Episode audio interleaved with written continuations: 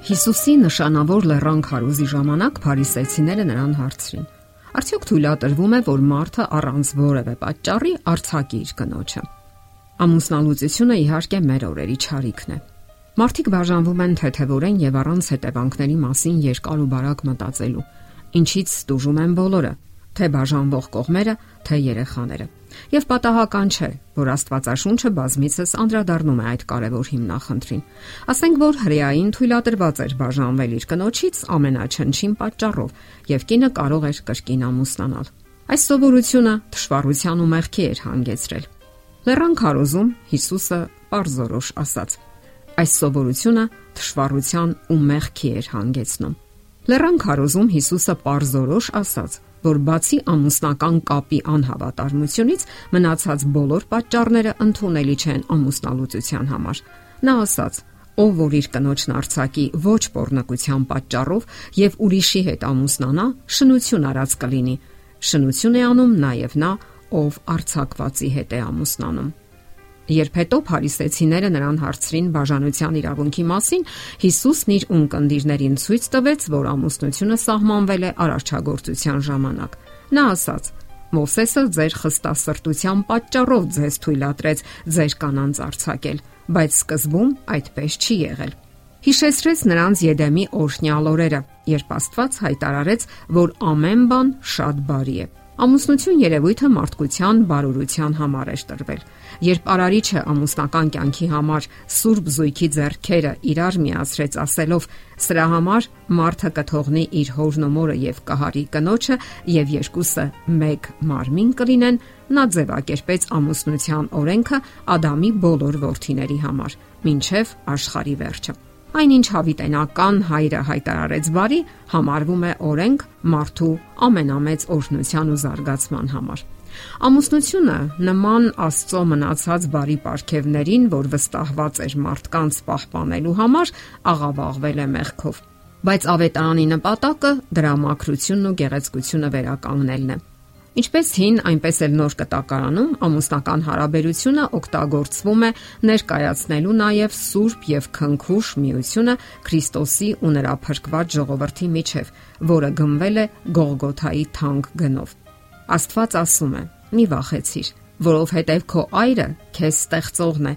զորած Եհովա է նրա անունը, եւ քո փրկիչը Իսրայելի Սուրբն է»։ Դարձեք, ով ապստամբ որդիկ, ասում է Տերը որովհետև ես եմ ձեր այրը։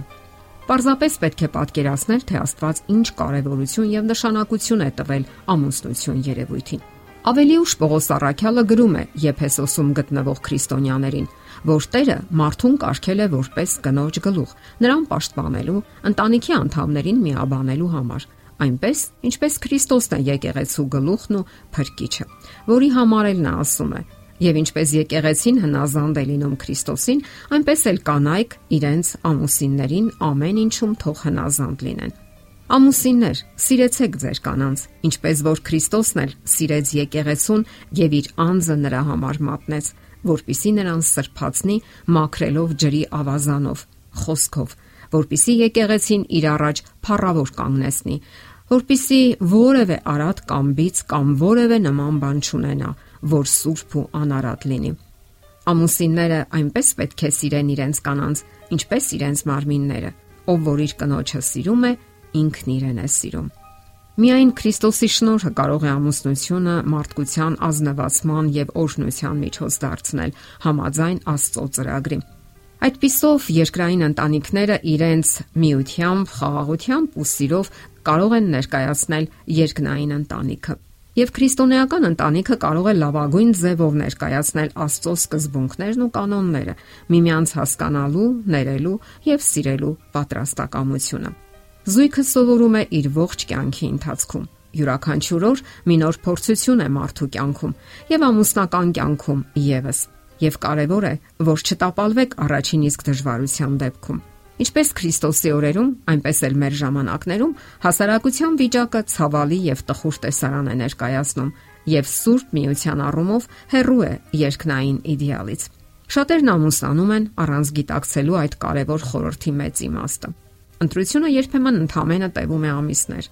Ամուսնանում են առանց միմյանց կարքին ճանաչելու եւ արդյունքը երկար սպասեցնել չի տալիս։ Ամուսնությունը կոչված է երջանկություն եւ բերկրանք պատճառել զույգին, բայց հաճախ անօրնության է վերածվում եւ դառնության ու հիասթափության բայց նրանք, ովքեր հիասթափություն եւ դառնություն են կրել անկերակցության եւ ուրախության փոխարեն, որին հուսացել են, Քրիստոսի ավետարանում սփոփանք կգտնեն։ Համբերությունն ու հեզությունը, որ Սուրբ Հոգին կտա, կքաղցրացնի դառը ճակատագիրը։ Այն մարդը, որի սրտում ապրում է Քրիստոսը, կլծվի ու կհագենա նրա սիրով եւ չի համակվի իր վրա ուշադրություն գրավելու փափագով։ Երբ մարդը դիմի Աստծուն, նրա իմաստությունը կկատարի այն, ինչ մարդկային իմաստությունը անկարող է անել։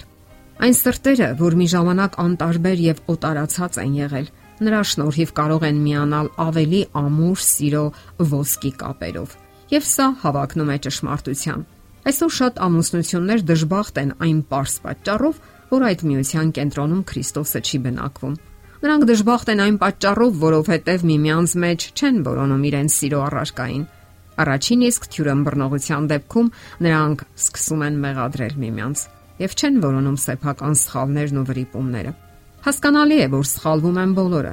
սակայն անհամեմատ ավելի կարևոր է սեփական սխալներն ու մեղքերը ճանաչելը, գիտակցելը եւ դրանք չկրկնելու պատրաստակամությունը։ Այլապես ոչ մի ամուսնական միություն չի կարող կայանալ։ Ահա թե ինչու կարևոր է իմաստավորել ամուսնության խորհուրդը եւ քայլել հոգեվոր սկզբունքների մեջ։ Հոգևորը ամուսնության մեջ։ Ահա այդ միությունը ամրապնդող սկզբունքը։ Իդեմս Հիսուս Քրիստոսի, ով միայն կարող է առաջնորդել զույգին մեր օրերի դժվարությունների եւ հիմնախնդիրների մեջ։ Եթերում ղողանջ հավերժության հաղորդաշարներ։ Ձեզ հետ է Գեղեցիկ Մարտիրոսյանը։ Հարցերի եւ առաջարկությունների համար զանգահարել 033 87 87 87 հեռախոսահամարով։